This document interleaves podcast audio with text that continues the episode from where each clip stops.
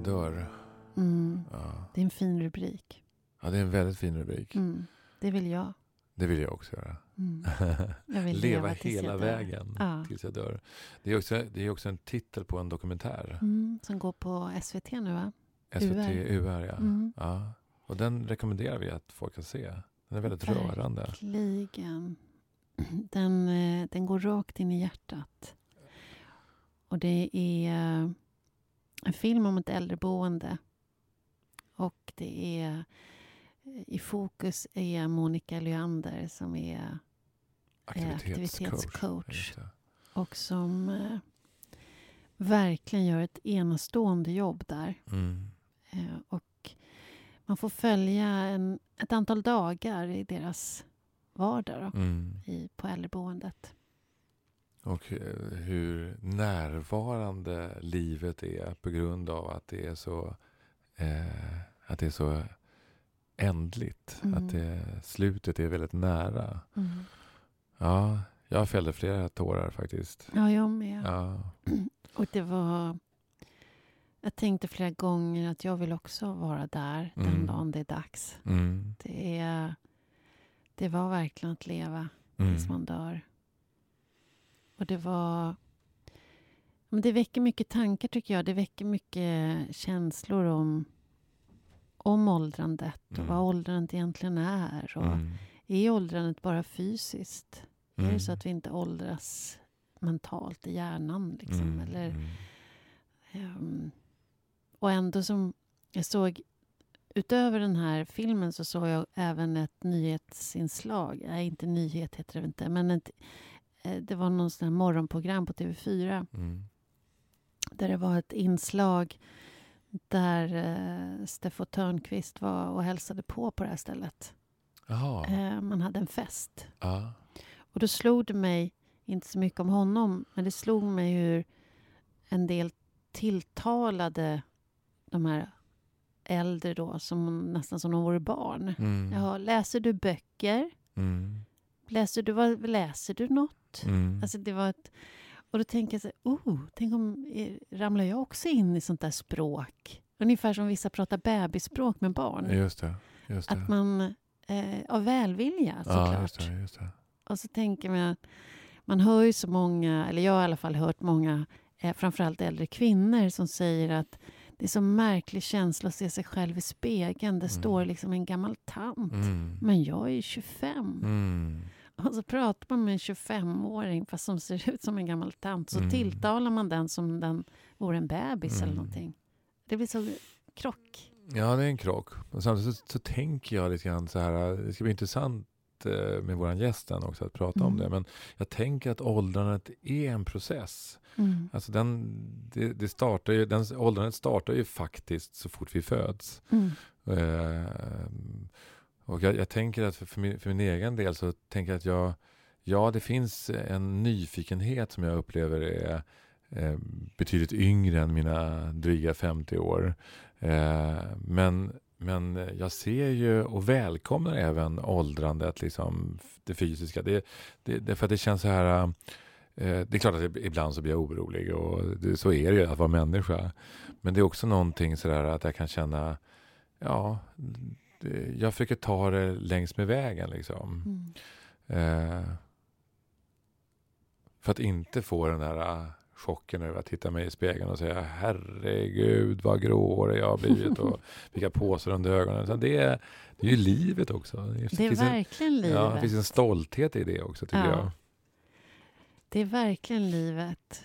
Och, och jag, ja, men, ah, det är som årsringar. Det är liksom... Det, på kroppen syns ju spår Ja, av livet. ja, Har man fött tre barn, då syns det. liksom. ja precis. Har man eh, varit med om olyckor och saker, det syns. Såklart, såklart. Det, Det är det någonting finns- vackert i det. Ja, jag tycker Ja. också det. Jag tycker om det. Ja. Våran gäst då? Mm. Det Det är, är ju- inte någon mindre än Monica Lyander ja, faktiskt. ja, precis. Aktivitetscoachen från filmen. Och, och Leva tills jag dör, Mm. säger vi en gång till, Mm. är filmen som just nu går på SVT UR. Och hon är 47 år gammal. Mm. Och eh, Dekoratör från början. precis. Mm. Eh, I 15 år jobbade hon som dekoratör Mm. och valde helt enkelt att byta yrke. Hon ville välja ett yrke där hon verkligen gjorde skillnad. Och hon medverkar ju nästan lite huvudperson i dokumentären Leva tills jag dör. Mm. Och hon brinner verkligen för att göra den sista tiden i, som hon kallar för, oldisarnas liv till den bästa. Mm. Eh, och hon brukar säga att eh, när det är dags då, när hon möter en person som ska flytta in på äldreboendet, så Mm. brukar hon säga att eh, jag, ska, jag vill bidra till att du ska få en ny familj, nya Mm. vänner och få göra saker som du aldrig har gjort förut. Ja, fint. Ska jag hämta henne? Jag tycker det. Ja. Välkommen till podd Mogna, Monica Lyander. Tack så mycket. Vad roligt att ha dig här. Det är väldigt roligt att vara här. Spännande. Mm. Jättespännande. Vi tänkte fråga som vi alltid brukar fråga. Monica, har du mognat något den senaste tiden? Alltså jag har, eh, jag tror att jag mognar hela tiden. Och jag pratade faktiskt med en av oldisar idag, mina oldisar, och frågade hur, hur de tycker att jag har mognat. Och hur man ser på den frågan överhuvudtaget. Vad, hur, mogne, vad är det för någonting? Mm. Du utvecklas eller är det att växa? Eller, ja. Mm. Då sa Karin att eh, du mognar ju här hela tiden. Ju fler roliga saker du gör med oss, då mognar du. Och så, och så mycket som du gör så mognar du väldigt mycket. Så du får passa dig så du inte blir övermogen.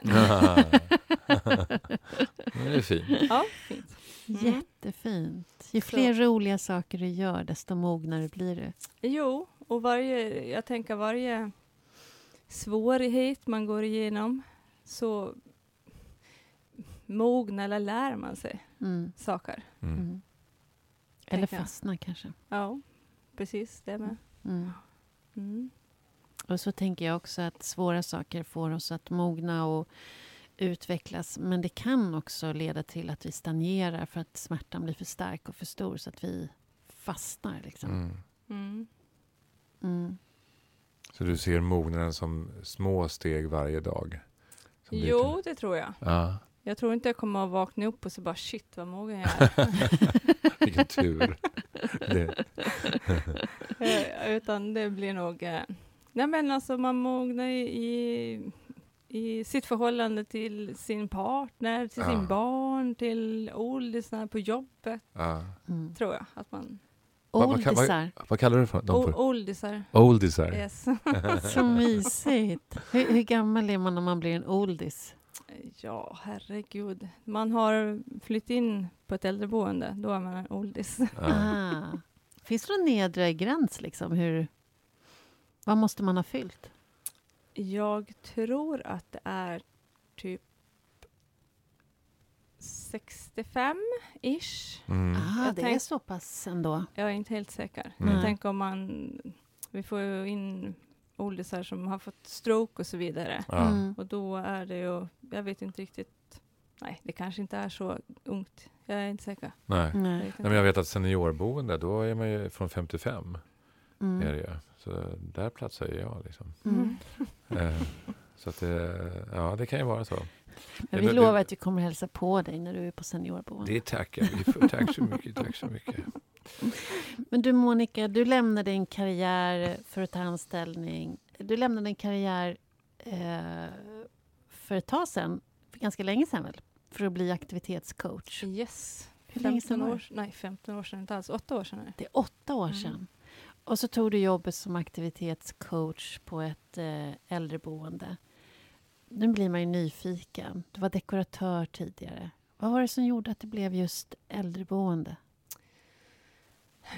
Nej, alltså jag har ju äh, älskat äldre människor. Ända sedan jag är uppvuxen på en bondgård och delvis eh, på en, eh, ett äldreboende. I köket på ett äldreboende jobbade min farmor. Mm.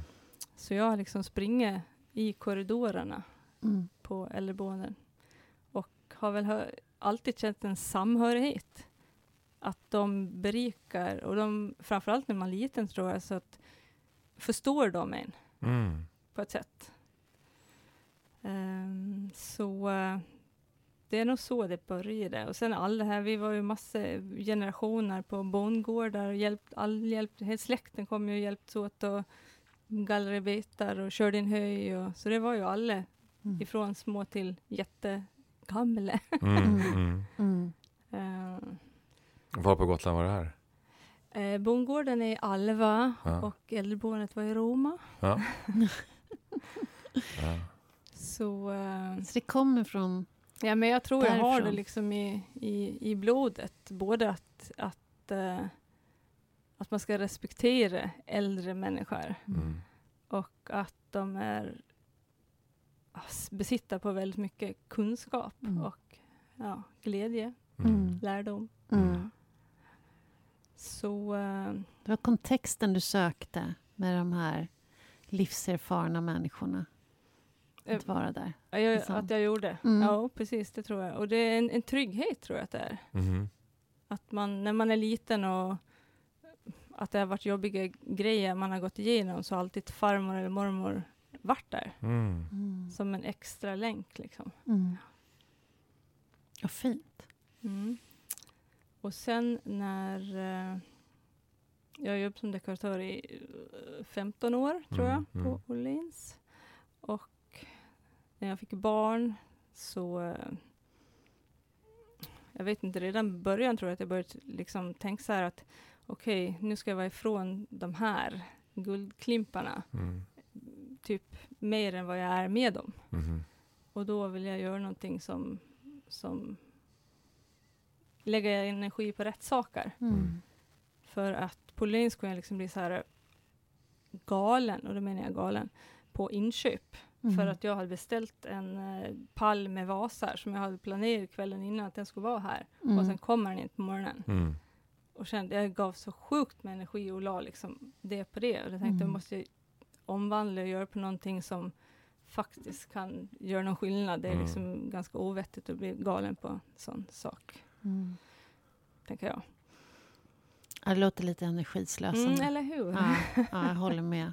En vas. Ja. Mm. Ja, nej. Och sen så gick jag eh, in i, i, brände ut mig helt enkelt när jag började efter mammaledigheten. Mm. Och då tror jag att det här tog fart ännu mer. Mm. Att bara jag måste göra någonting Mm. vettigt. Och sen dök det här upp, jobbet upp.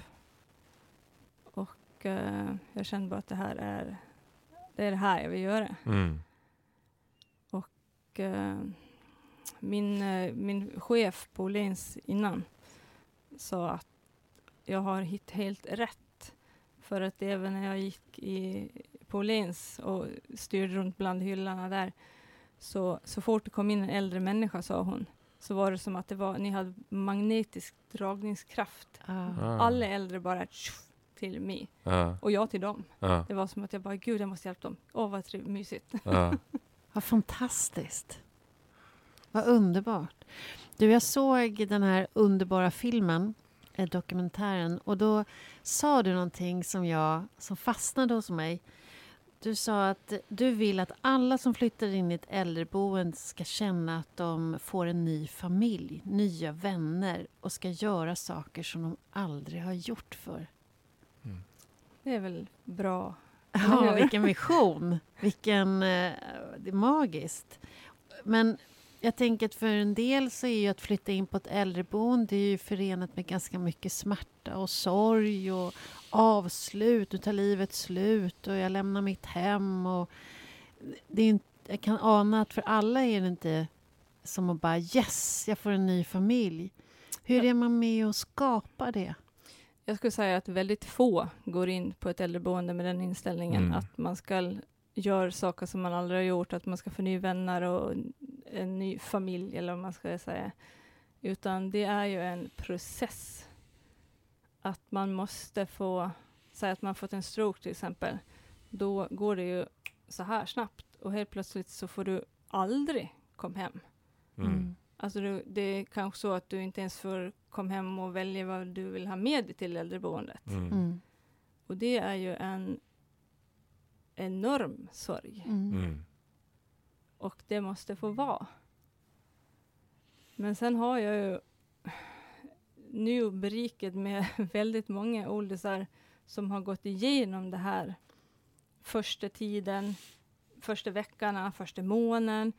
Och vi brukar diskutera och prata om att första året, det är nästan som när man förlorar någon. Mm. Man måste ha gått igenom hela det året med och inte vara den man var förut när man bodde hemma. Just det.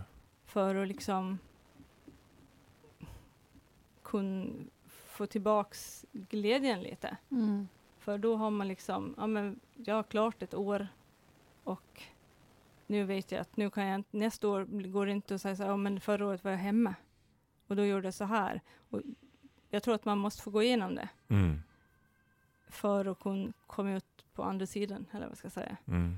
Men som sagt, nu har jag- förmånen att ha väldigt många åldrar som har gått igenom det här. Så när det kommer in nyinflyttade, till exempel vi, om någon har fått en stroke och kommer till oss, det kanske är en månad sedan fått stroke, det är, livet är helt förstört. Då kan jag liksom bara, ah, vänt lite. Och sen går jag och hämtar någon som har gått igenom det här, Mm. fast kom ut och vart vid oss i, i några år Mm. och liksom bara bekräftar, sitter och säger på det samtalet, när den här som har bott hos oss länge, liksom bara egentligen säger att "Ja, det, är, det är jättejobbigt och man, förlo- man förlorar liksom hela sitt, hela sitt liv. Och dessutom så kan man inte ta hand om sig själv längre. Mm.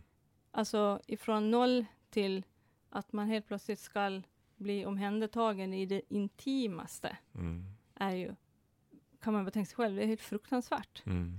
Men och då har någon som har gått igenom det här och kom säger, egentligen bara, hon, de bara bekräftar varandra, att det här är helvete helt enkelt.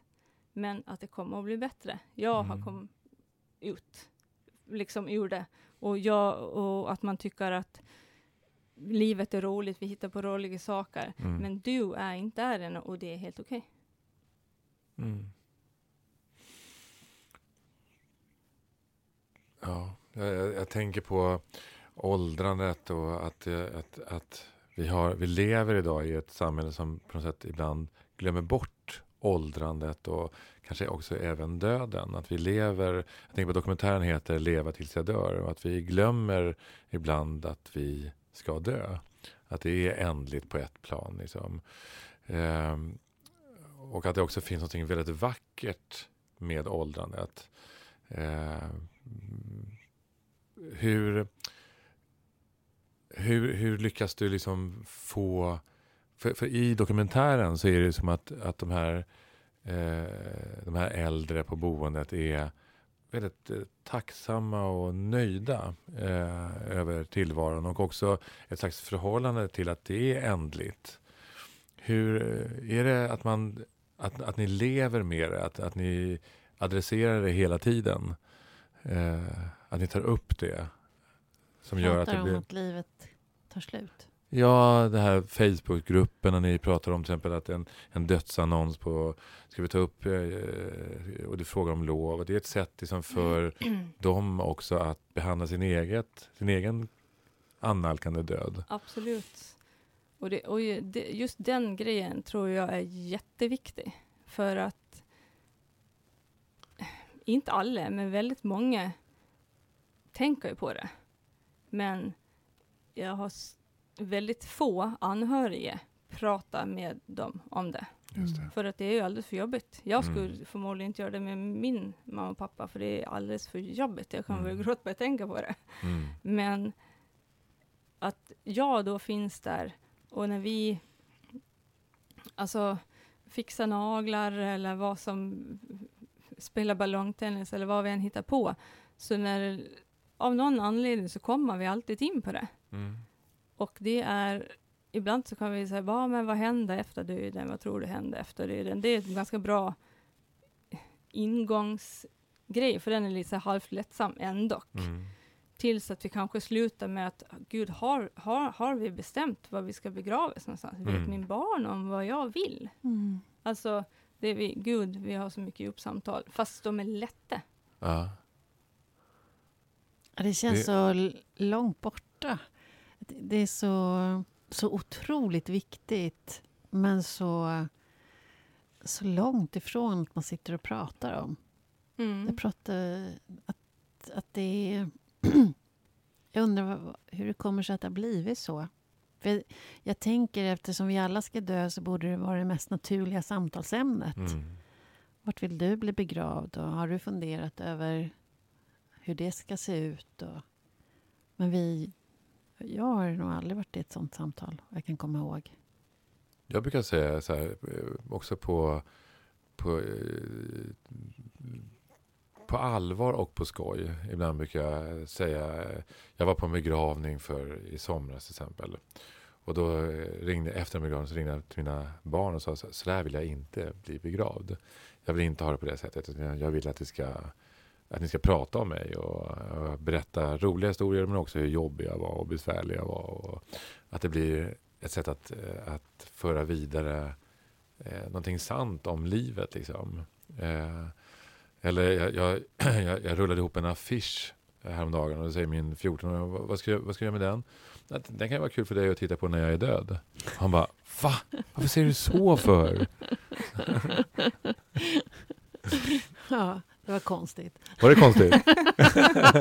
Nej, men jag, jag tänker på att det är så lite grann... Du förvarnar dem lite. Att, Jag förvarnar, men också att jag tänker att det samtalet behöver vi liksom, lite grann. Att, det, ska- Mm. att, att, att, eh, Att det ha- kommer en sån dag. Ja, det kommer en sån dag att det är liksom inte... Eh, det, är, det är inte pratat om efter döden.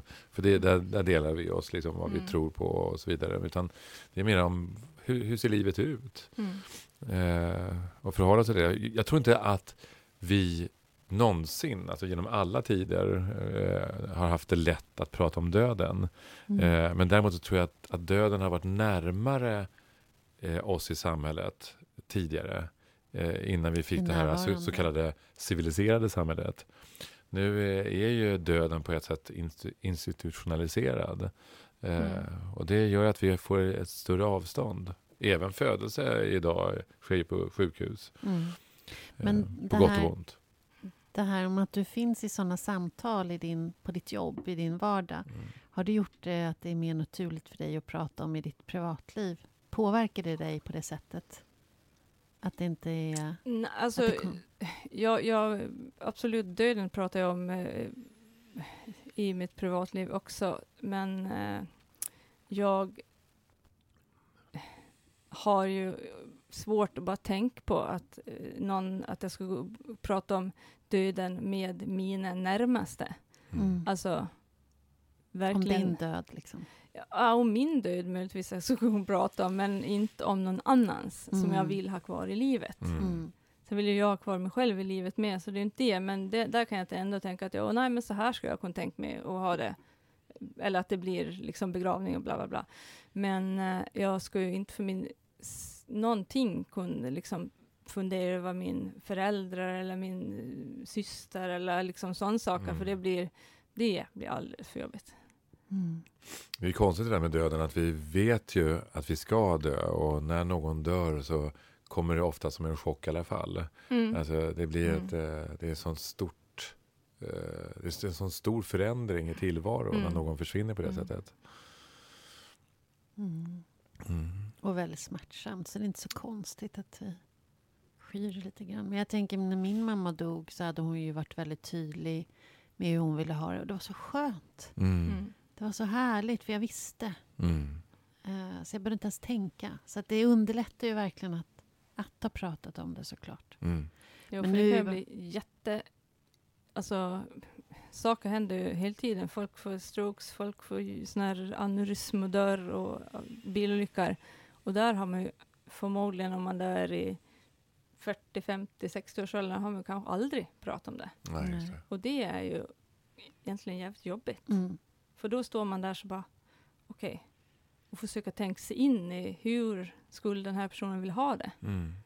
Och sen ändå så kanske det slutar med att man känner att man har gjort fel. Mm. Den är inte bra. Den är inte skön Mm. Nej, den är obra. Men du, det här med att, att leva sina dagar, arbetsdagar i alla fall, med oldisar. Så himla gulligt ord. Hur, har det påverkat din syn på åldrandet? Vad är då att bli gammal? Eh, jo, det har det nog. Eller jag har ju egentligen tänkt på det hela tiden. Men det blir ju mer tydligt att ålder är bara en siffra. Klyschigt, men så är det faktiskt. Alltså, skalet blir ju äldre och gammalt. Men den personen, om du nu inte får en jävligt slitsam demensdiagnos, Mm.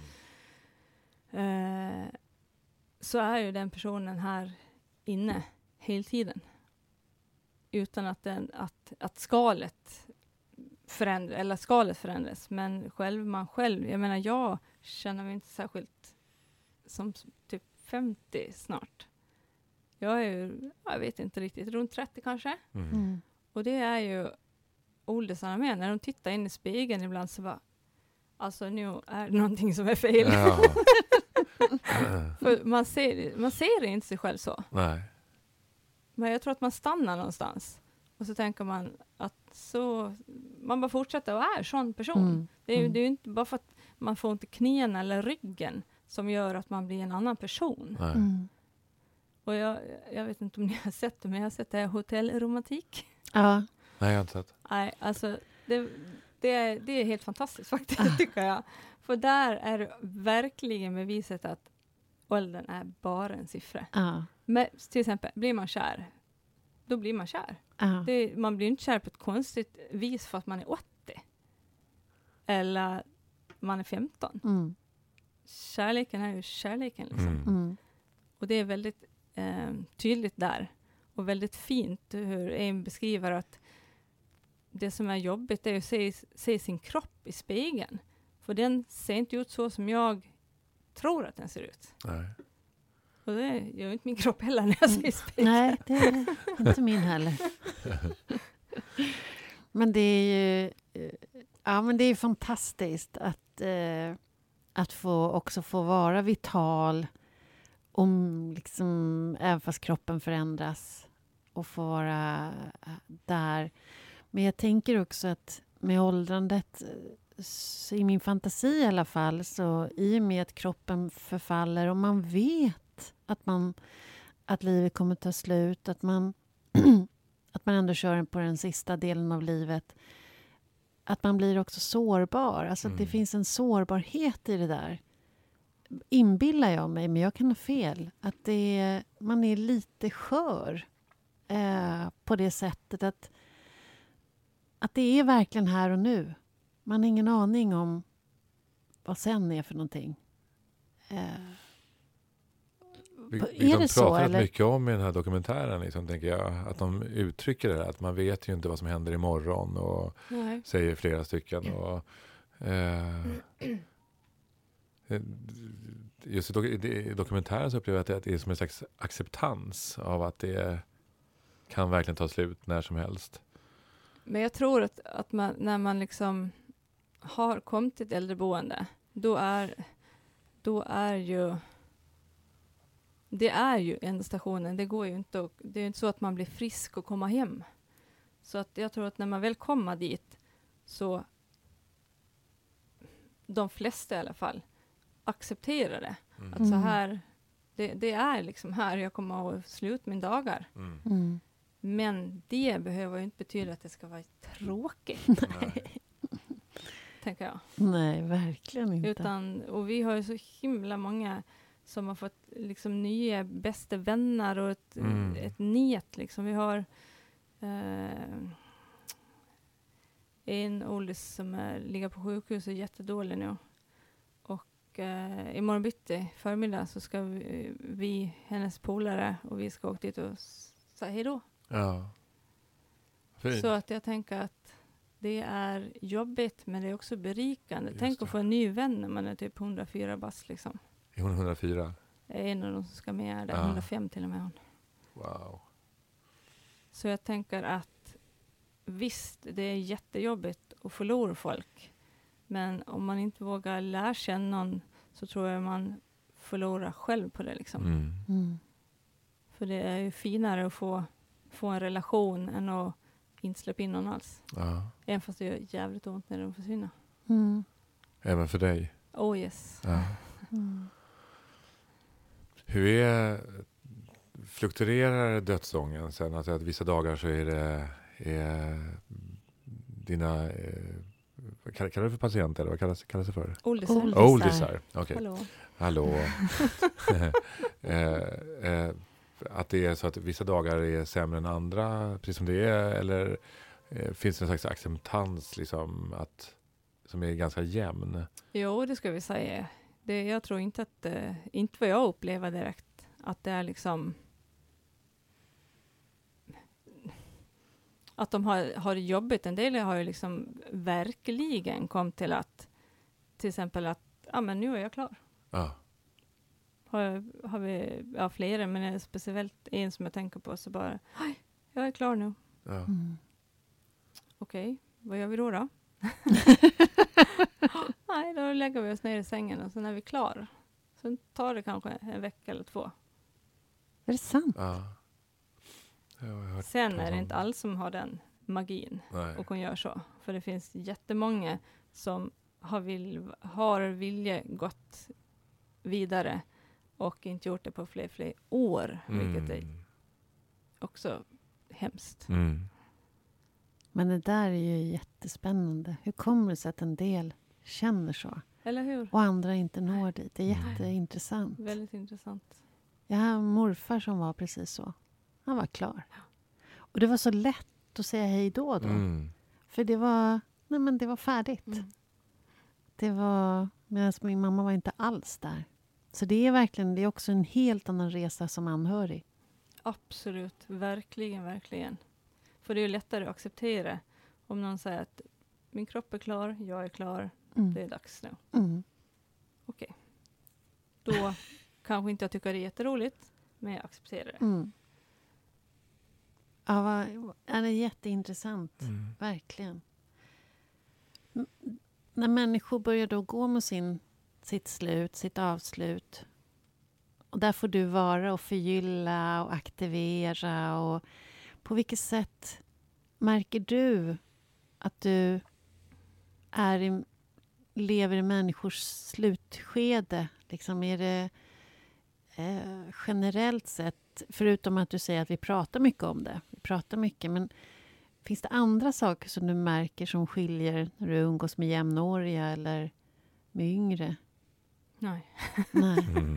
Alltså i min värld är de ju, jag ser ju inte här skalet. Mm. Jag ser ju den som, eh, som de pratar som, Mm. eller vad man ska säga. Mm. De som är, tycker det är roligt att hitta på saker eller för den delen om de har en dålig dag, bara sitta och kramas i soffan. Mm. Mm. Alltså de, för mig är de inte gamla. Mm. Nej.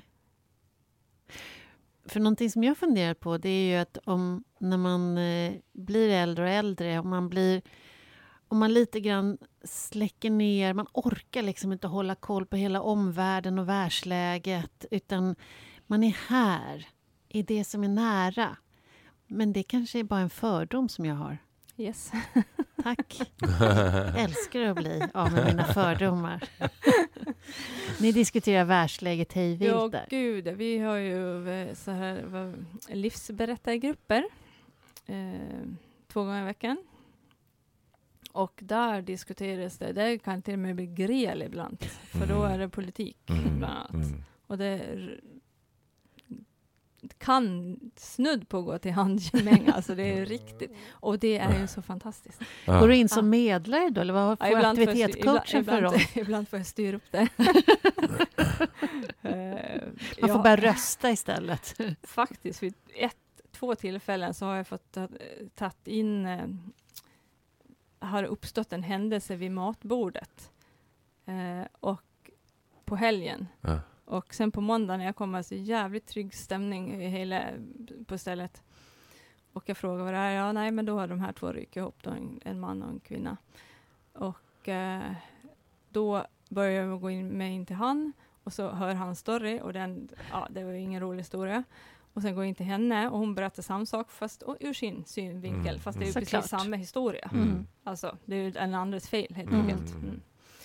Eh, och då blir det så att då får jag ta med mig ett litet block så får jag gå runt och knacka dörr. Och höra Ta vad vittnen. Ja, vittnen. Var, var liksom, vad, vad hade, vad, hur upplevde ni den här middagen? Vem var som började? Vad pratade ni om? Bla, Ja. Och sen när jag liksom har samlat på mig det, då tog jag och en kollega och sen så plockade vi de här två personerna och så satt vi i sitt rum och så bara, nu får ni fan skärpa er. Alltså, ni är ju mer dagisbarn än min, mina barn. Och sen så ja, pratade vi om det här och det var väldigt långt till att säga förlåt till varandra. Men eh, till slut gick det. Så att Mm. nej, det är ju bara, de, det, de är precis som alla andra. Ja. Men Jag vad tror inte man roligt. förändras någonting faktiskt. Oj, oj, oj, jag inser att jag kommer vara en besvärlig person på ålderdomshemmet som hela tiden ska sätta mig och säga förlåt Ja. och tjura ihop i något hörn. Du kommer vara den där däremot som säger förlåt, Ruben. Jaha, Ja, okej. ja det tror jag.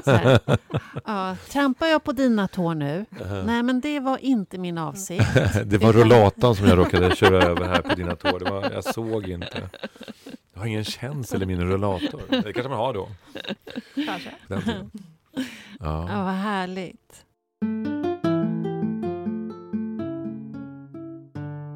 Vad tycker du att eh, behöver vi eh, ta in eh, åldringarna mera i vårt samhälle idag? Eh, försvinner de för tidigt ur vårt samhälle, vårt tänk? Absolut. Ja. De finns ju typ inte med, Nej. ska vi säga. Mm. De är ju lägst ner på näringskedjan. Mm. Överkörda totalt. De som har byggt upp vårt land. Mm. Vilket är helt katastrof tycker jag. Märks det när du möter dem som grupp, inte individ men som grupp, att de känner sig så? Jo, det tror jag Mm. att de gör. Det är ingen som lyssnar på dem framför allt. Ingen som vill lyssna på dem. Mm. Vad de vill eller vad de har varit med om. Vad, vad kan vi ta med oss av dem? Vad Mm. kan vi lära av dem? Mm. Eh, jag tror Det är fruktansvärt. att de känner sig ja, men, undanskuffade. Mm. Och typ stäng dörren och lås, sen släcker vi, eller slänger vi nyckeln. Mm. Och det är så fel. Mm. Mm. Vad gör vi åt det? För jag tänker den, här, den enorma livserfarenheten som dina oldisar sitter på. Som, som vi behöver mycket mera ta med oss. Och vi har inga generationsboenden längre. Vi Nej, möts ju väldigt lite över gränserna. Mm. Så det är ju en jättemycket erfarenhet som vi bara tappar. Mm. Man går i pension och sen Mm. försvinner man liksom från... Jag tror att man Spelplanen. kan, man kan hjälpa upp det eh, ganska ordentligt med, och då får man även eh, ett helt annat samhälle om man skulle bygga ett, en förskola i äldreboendet. Just det. Att de får agera i samma Mm. lokaler. Mm. Det, det kommer att bli så sjukt med vinster Mm. Mm. på alla håll. Mm. Det tror jag. Jag jobbade faktiskt på ett, ett sommarläger för massor med år sedan. Sommarkollo. Eh, och där var den, de yngsta sju och den äldsta när jag var där var 99.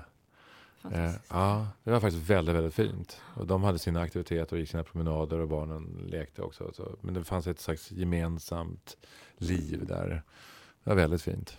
Verkligen.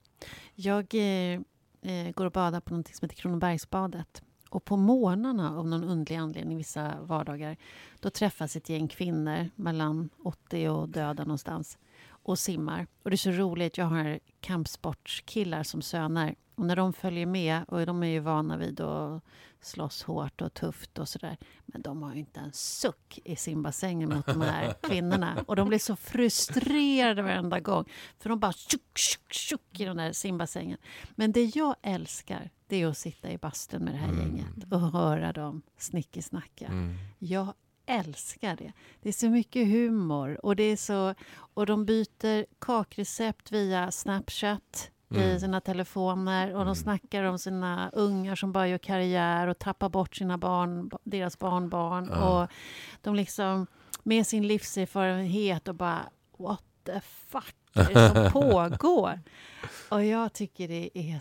Alltså jag älskar de där bastustunderna Ja. och bara få sitta och tjuvlyssna. För det finns så mycket erfarenhet, så mycket klokskap. Ja. Vad gör det med dig att få bada i det där om dagarna?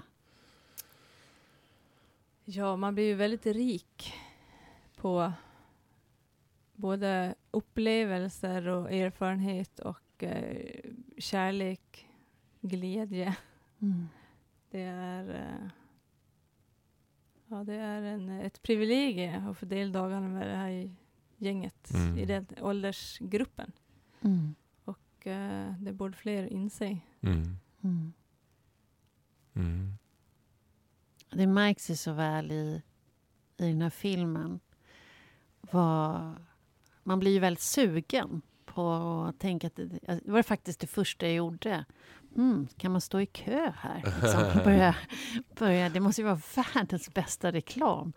Eh, för... Eh, alltså, I alla fall jag hade, har ju ganska mycket fördomar för att det är mer, man blir mer inlåst och instängd.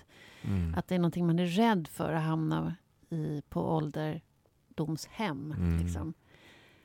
Jag tror att eh, det är befogat. Mm. Mm. För att det finns så många ställen som är ren katastrof. Mm. Så att man nästan bara griner för att det är så himla illa. Mm. Eh, faktiskt. Där det är jättepersonalbrist och liksom ingen som egentligen gör det från hjärtat. Eh, så att... Man ska eh, hitta en Monica alltså, den dagen det är dags.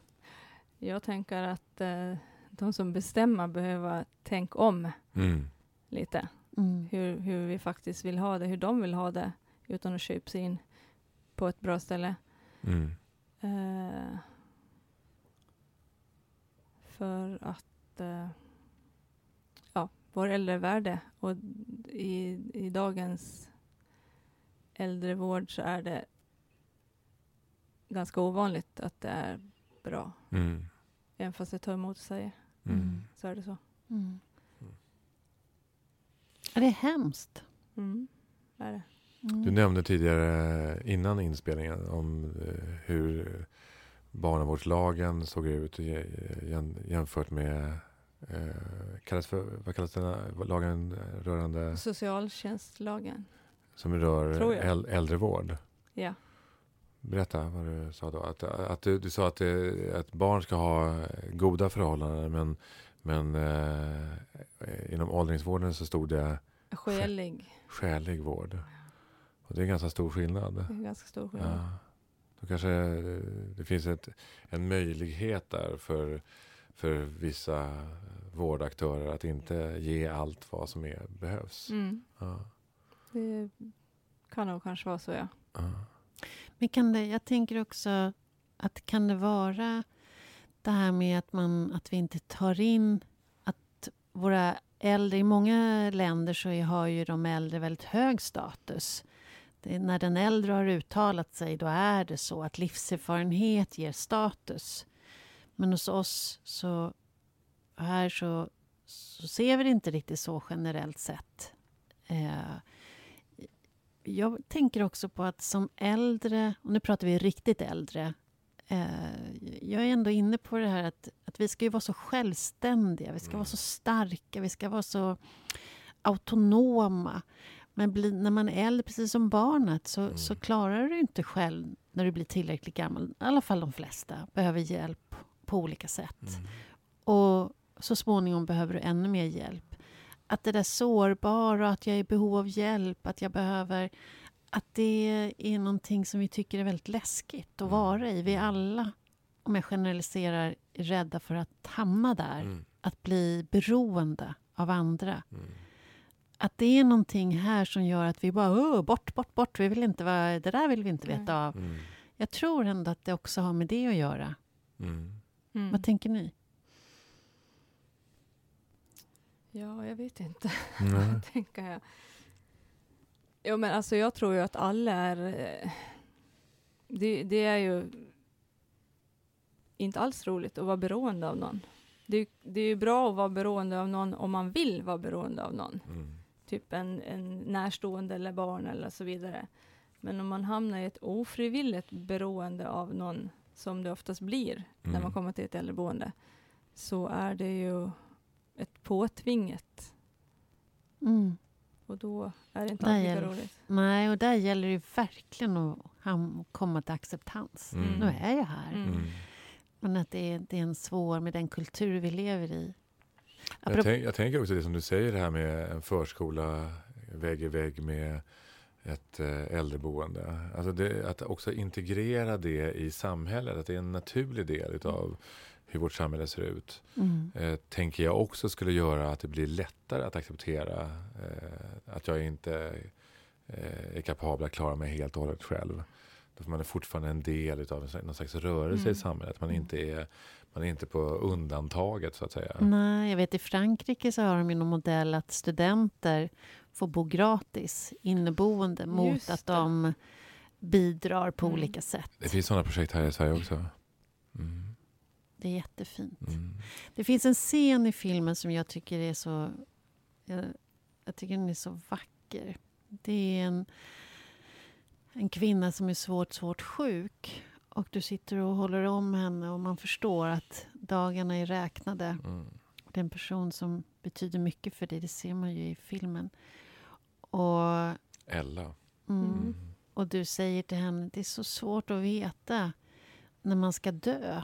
Och då är det så svårt att veta när man ska säga hej då. Mm. Och det är så himla fint. Ja, det är väldigt fint. Och sant. Mm. Ja. Och också väldigt vackert när man hör den äldre mannen sjunga ute i korridoren och så kommer han in sjungandes och, och så ser man hur han förändrar, att han inser att okej, och så säger han farväl, farväl och jag tycker så mycket om dig. Då började jag böla. det, var, det var väldigt, väldigt vackert. Väldigt, Mm. väldigt fint. Mm. Ja. Mm. mm. Men det här med att, att leva med att så tydligt att livet... Nu blir du ledsen, ser jag. jag saknar dem. Ja. Åh. Oh. Mm. Men det får man göra. Ja, Säger det jag får till min göra. barn. Ja, visst. Mm. Så är det. Mm. Men livet är ändligt. Ja. Och det gäller oss alla. Det är en slags rättvisa i det. Ja. Även fast den är hård. ja, den är hård. Och den är, den är för dig så konkret. Mm. Mm. Som får ta farväl på ett sånt sätt. Och samtidigt så, så vackert sätt. Mm. Jo, det, det är jobbigt men det är också ett privilegium. Mm. Få förunnat ska vi säga. Just Mm. det.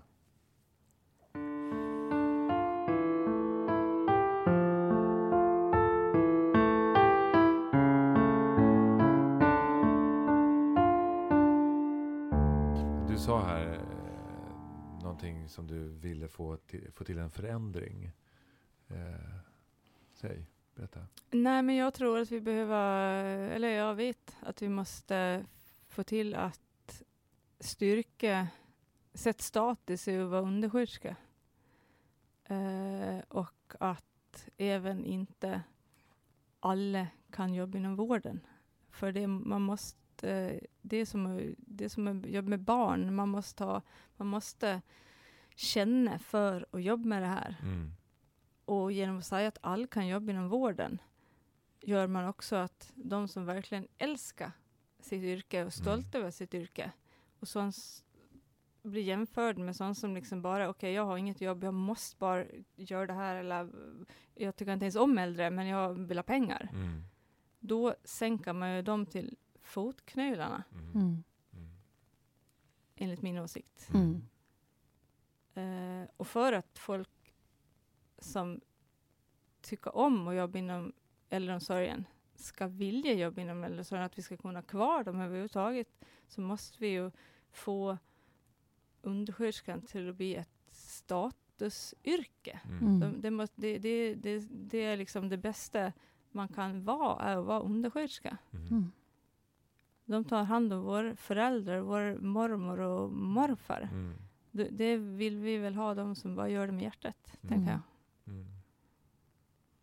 Men jag skulle också vilja fråga att vad är vad kan vi lära oss det, liksom utav de äldre med deras långa erfarenhet av livet? Vad, vad är det viktigaste vi behöver egentligen tillföra vårt, oss med som vi tappar när vi inte har kontakten med den äldre generationen?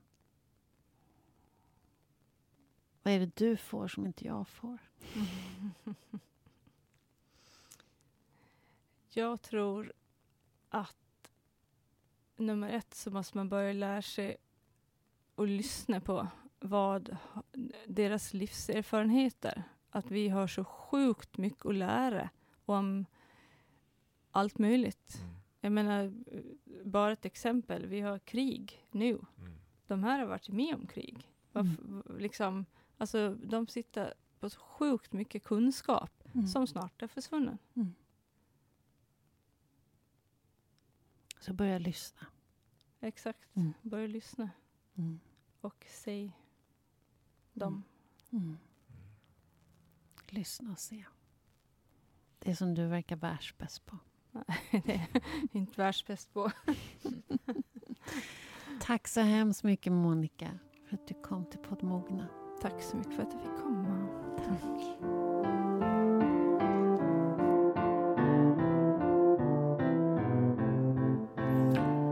Tack Monica Lyander. Mm. Ja. Tack Monica. Ja.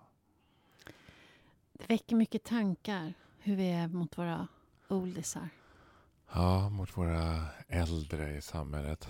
Ja. Det är ju inte ett, vi har ju liksom inte byggt, byggt upp ett samhälle för våra gamlingar. Mm. Det är någonting, vi, det, det är liksom en slags... Eh, det, det gäller ju även, eh, jag tänker alltså även tidigare i åldern. Alltså det, det finns en, in, ett intresse för, för unga. Men inte när man träder över en viss gräns så avtar intresset. Eh, eh, det har ju vissa andra av våra gäster också uttryckt faktiskt. Mm. Att, det, att intresset försvinner ju äldre man blir. Mm.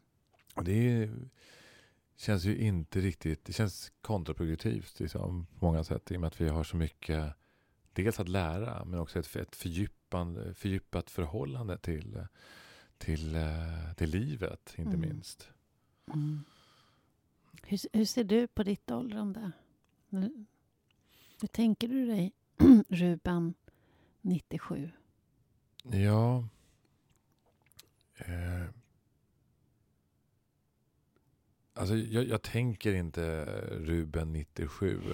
Sådär, det, det gör jag väl inte. Men jag, jag menar, det är ju ett pågående åldrande eh, som jag faktiskt välkomnar. Jag tycker det är ganska skönt att bli äldre. Ja, men det är ändå skillnad att fylla 54 än att fylla 97. Nu kommer jag fylla 57. Eh, men det är ju 40 år till. Det är ju nästan ett, nästan ett lika långt liv kvar.